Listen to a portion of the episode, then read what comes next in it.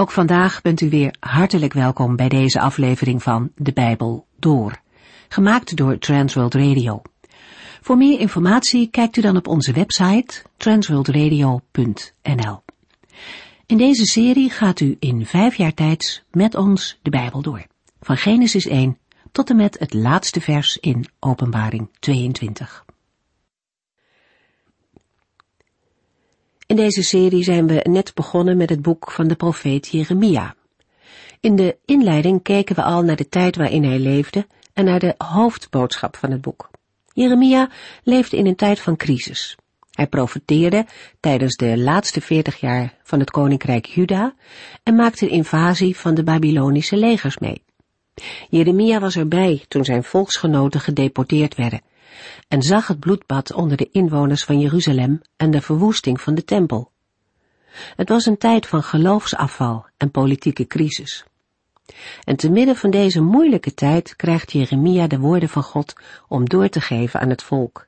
En de kern daarvan is, aanvaard Gods oordeel, zodat u een nieuw begin kunt maken. Bekeer u tot God.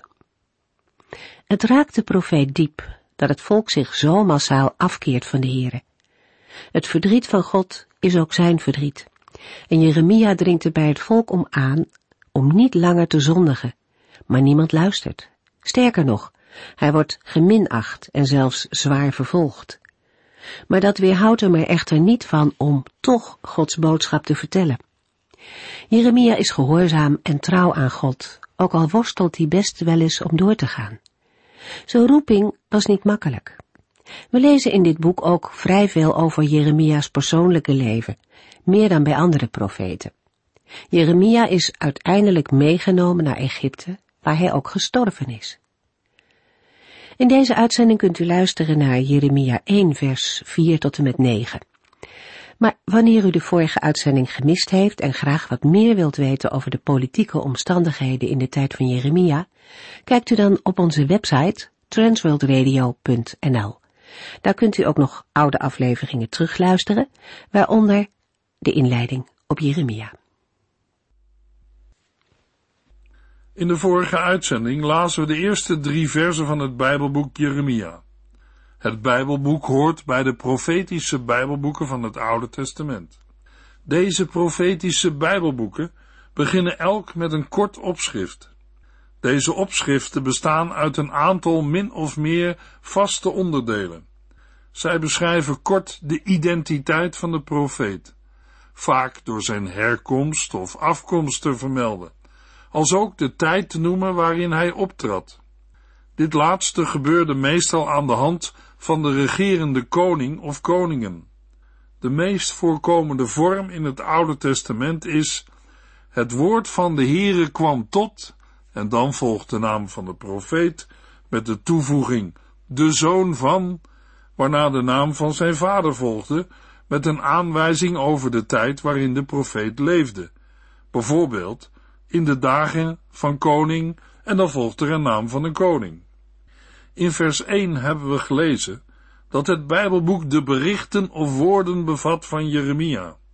Het Hebreeuwse woord dabar, wat ook in het boek is vertaald met berichten, betekent naast zaken of gebeurtenissen ook de woorden van.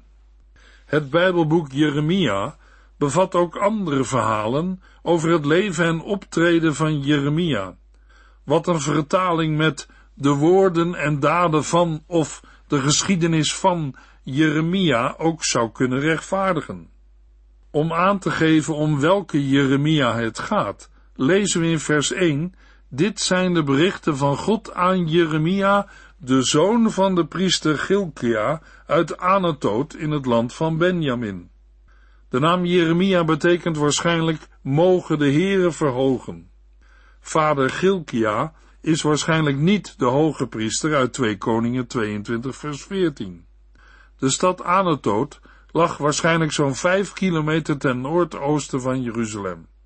Daar bezat de priester Abjatar land in de tijd van koning Salomo.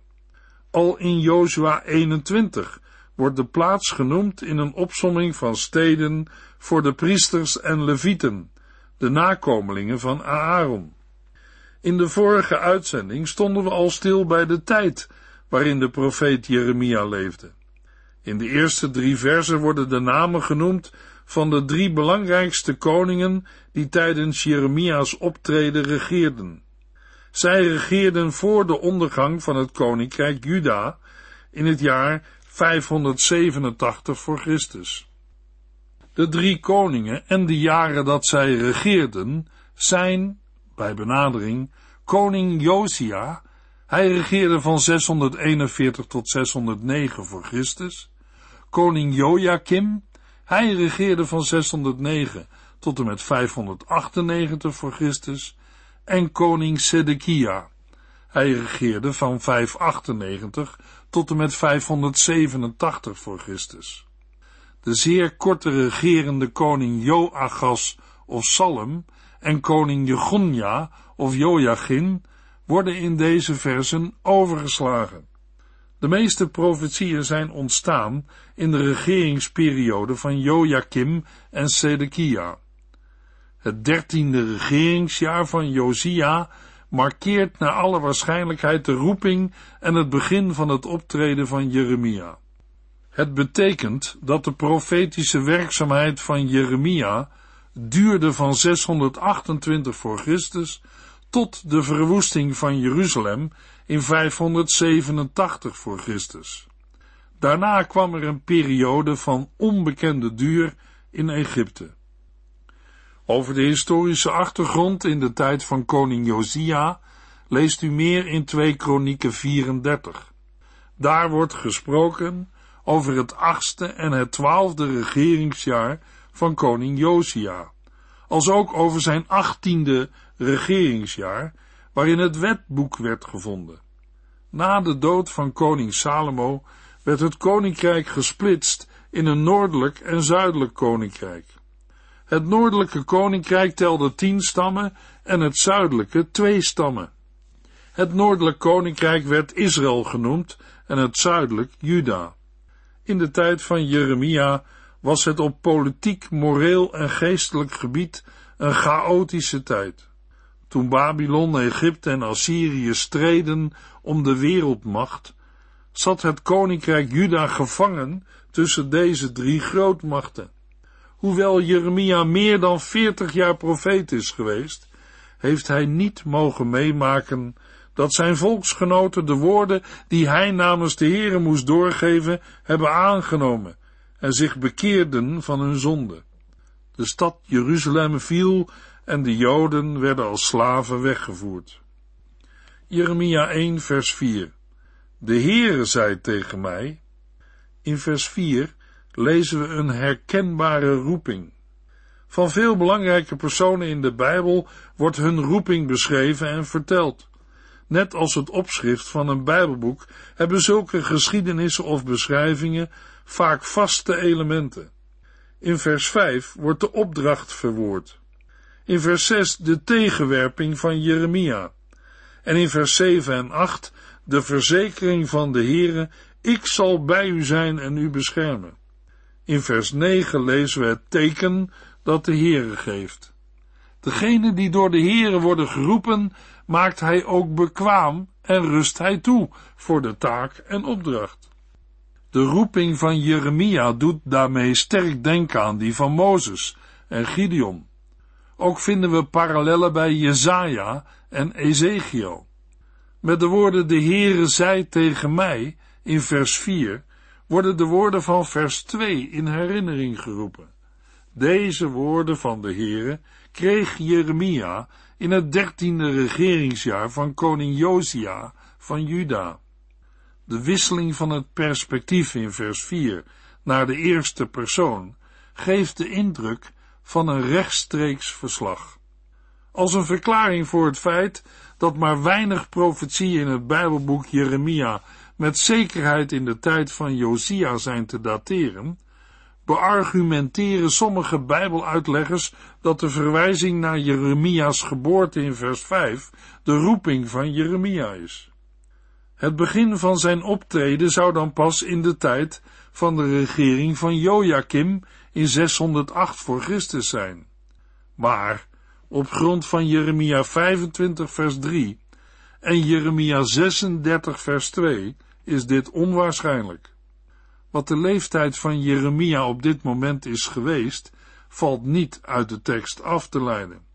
Ook is het niet vast te stellen of en hoeveel tijd er heeft gelegen tussen dit moment en de andere gebeurtenissen in het eerste hoofdstuk. Jeremia 1 vers 4 en 5 De Heere zei tegen mij, ik kende u al voordat ik u vormde in uw moeders buik. Al voor uw geboorte heb ik u bestemd om mijn profeet voor de volken op aarde te zijn. Het eerste spreken van de Heere maakt duidelijk dat voor de Heere de roeping van Jeremia al teruggaat tot voor zijn geboorte. Nog voordat de Heere Jeremia zelf vormde, kende de Heer hem al. Door de relatie van de woorden uw moeders buik en de moederschoot in Jeremia 20 vers 17 krijgen de hoofdstukken 1 tot en met 20 een soort eenheid. Het Bijbelboek Jeremia bevat een aantal kleine aanwijzingen voor de totstandkoming van de tekst. Jeremia 1 tot en met 20 of 1 tot en met 25 kan gelijk zijn aan de boekrol die Baruch volgens Jeremia 36 vers 4 heeft geschreven. Daarna zijn op een nieuwe rol ook andere profetieën toegevoegd.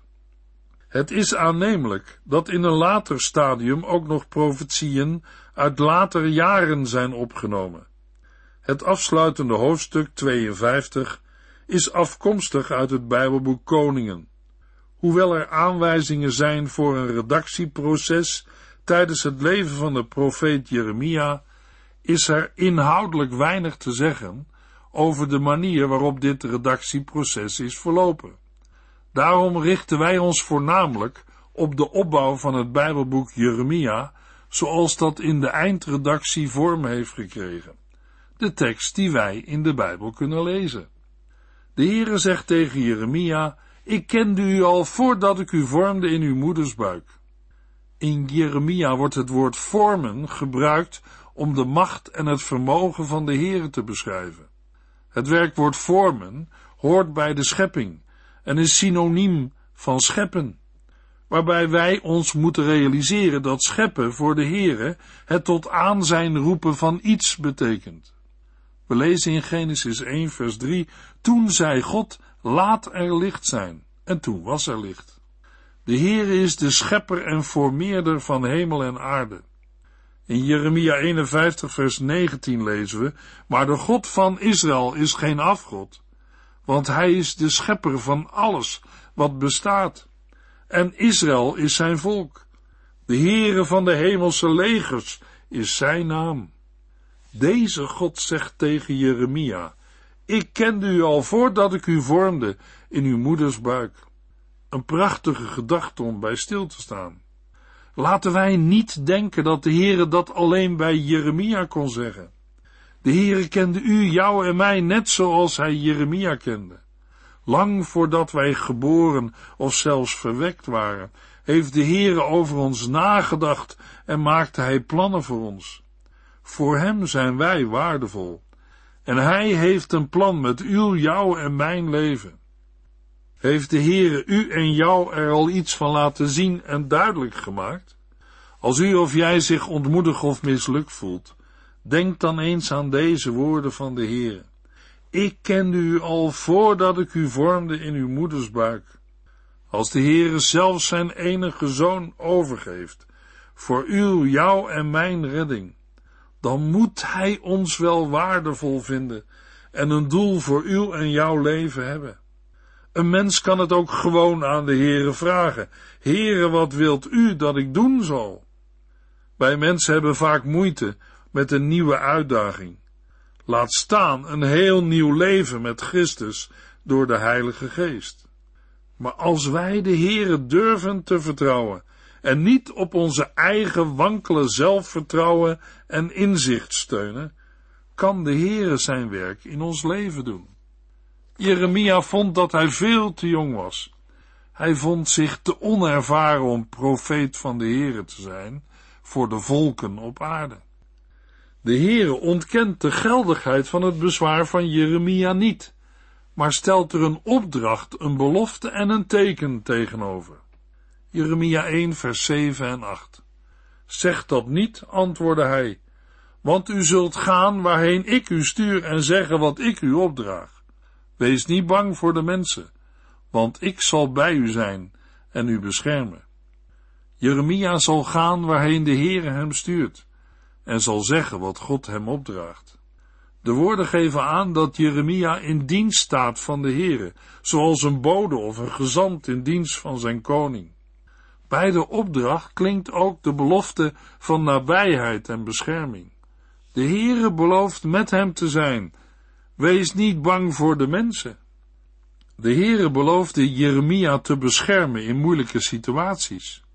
Hij beloofde niet dat hem moeilijke situaties zouden bespaard blijven. Jeremia moest nog wel gevangenschap, deportatie en beledigingen doorstaan. De Heere hield de stormen van het leven niet bij Jeremia weg, ook niet bij ons, maar heeft beloofd zijn kinderen er doorheen te helpen.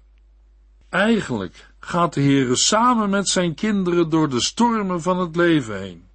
Geen mens mag toelaten dat minderwaardigheidsgevoelens of tegenslagen hem of haar weerhouden aan Gods roeping gehoor te geven. De Heere zal altijd met zijn kinderen zijn. Als hij een taak geeft, zal hij voorzien in alles wat nodig is om die taak uit te voeren en te volbrengen. Jeremia 1 vers 9 Toen raakte hij mijn mond aan en zei, Kijk, ik heb mijn woorden in uw mond gelegd. De Heere neemt de vrees voor het spreken weg en geeft met de woorden, Kijk, ik heb mijn woorden in uw mond gelegd, de opdracht om zijn woord te verkondigen. Soortgelijke dingen lezen we bij Jezaja en Ezekiel. Met het aanraken van zijn mond en de woorden die in Jeremia's mond worden gelegd, is de autoriteit en het gezag van de verkondiging van Jeremia verzekerd. Met dit teken bevestigt de Heere zijn toezegging aan Jeremia.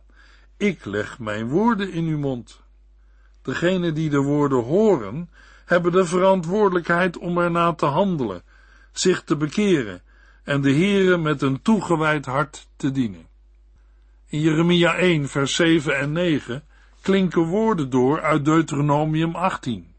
Een ware profeet spreekt wat de Heere hem heeft opgedragen en het bewijs daarvoor is dat woorden van God ook uitkomen. Het aanraken van Jeremia's mond is als het ware de bevestiging van de aanstelling die volgt. Jeremia 1 vers 10. Vandaag begint uw werk. Het waarschuwen van de volken en koninkrijken van deze wereld. In overeenstemming met mijn woorden die u doorgeeft, zal ik sommigen omverwerpen en verwoesten. In hun plaats zal ik anderen opbouwen en goed verzorgen, zodat zij groot en machtig worden. De Heere geeft Jeremia er een volmacht bij. In overeenstemming met mijn woorden die u doorgeeft, zal ik sommigen omverwerpen en verwoesten. In hun plaats zal ik anderen opbouwen en goed verzorgen, zodat ze groot en machtig worden. De volgorde van de woorden omverwerpen, verwoesten, opbouwen en verzorgen is kenmerkend voor de prediking van Jeremia. Het herstel zal uiteindelijk pas na verwoesting en in de ballingschap plaatsvinden. Net als in het opschrift wordt in de roeping vooruitgelopen op de boodschap die Jeremia voor Israël en de volken heeft. In verschillende opzichten is Jeremia 52 de vervulling van Jeremia 1 en daarmee ook een inhoudelijke afsluiting. Zowel het afbreken als het opbouwen van Juda komt aan de orde. Jeruzalem wordt verwoest en de bevolking weggevoerd. Toch is er ook weer hoop als koning Joachim wordt vrijgelaten. Jeremia 1 vers 11 Toen zei de Heere tegen mij, Jeremia, wat ziet u daar? Ik antwoordde, ik zie een tak van een amandelboom. Volgens een aantal bijbeluitleggers begint met vers 11 het eerste visioen van Jeremia. Maar de tekst kan ook samen worden gelezen met het voorgaande, waarin Jeremia blijkbaar ziet dat de Heere zijn arm uitstrekt om zijn mond, lees lippen, aan te raken. Het is goed mogelijk dat het in vers 11 tot en met 16 niet om echte visioenen gaat, maar om zaken die Jeremia gewoon in zijn omgeving kan waarnemen en zien. Een kookpot is iedere dag te zien als het eten wordt klaargemaakt, en een tak van een amandelboom ook. Eerst vraagt de Heere Jeremia te noemen wat hij ziet, om daarna aan dat wat Jeremia ziet een verklaring te geven. Jeremia ziet een amandeltakje. De betekenis is dat de Heere er zelf op zal toezien dat zijn woord wordt vervuld. Ook dit heeft te maken met de kenmerken van een ware profeet. De Heere spreekt nooit lege woorden en dat geldt zowel voor zijn oordeel als ook voor zijn beloften. De verbinding met het beeld van de amandeltwijg is gelegen in een woordspel met de Hebreeuwse naam voor deze boom, namelijk de wakende. Het is een benaming die te maken heeft met het feit dat de amandelboom de eerste boom in het nabije oosten is die na de winter weer in bloei komt, terwijl de andere bomen nog slapen. Zoals de amandelboom waakt, waakt de Heere ook over het uitkomen van zijn woord. Jeremia 1 vers 12 En de Heere antwoordde, dat is juist.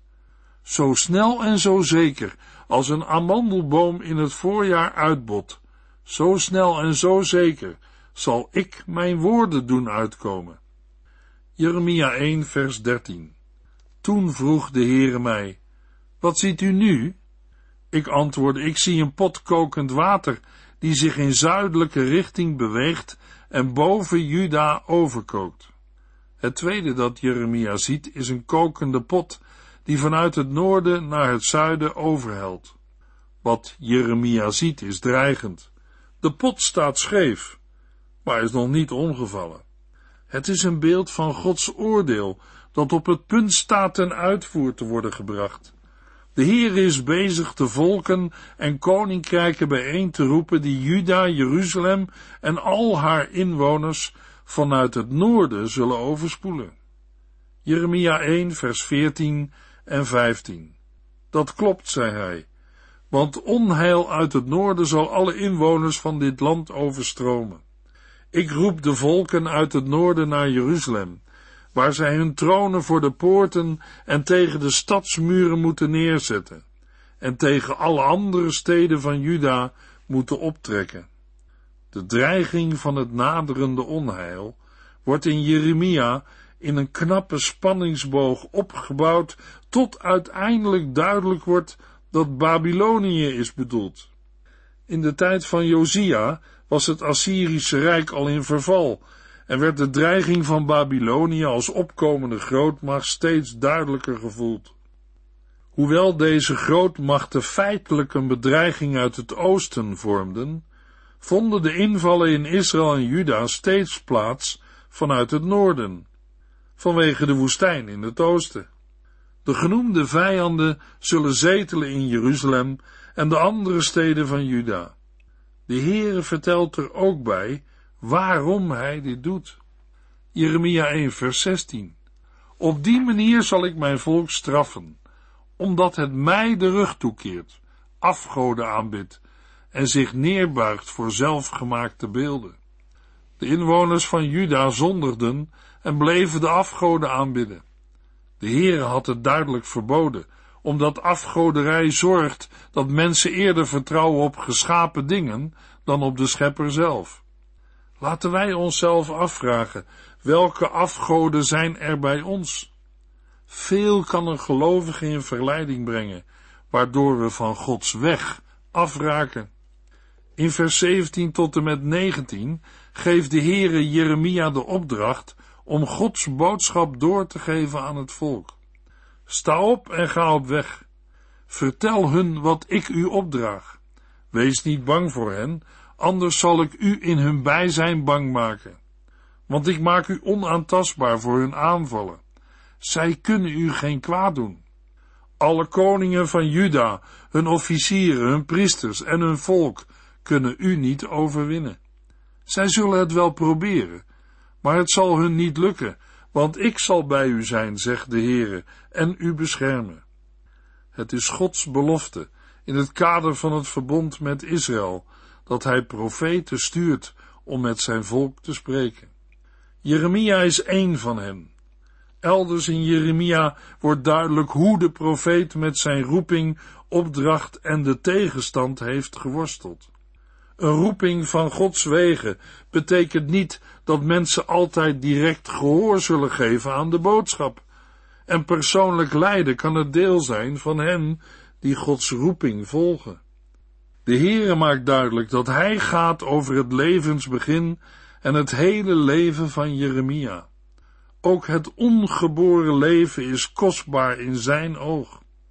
Jeremia 1 geeft de thema's aan van de komende hoofdstukken, namelijk prediking tegen afgoderij, dreiging uit het noorden, de vervolging van Jeremia en de redding door de Heere. Het eerste hoofdstuk van Jeremia vormt een inleiding op de thema's in het hele Bijbelboek.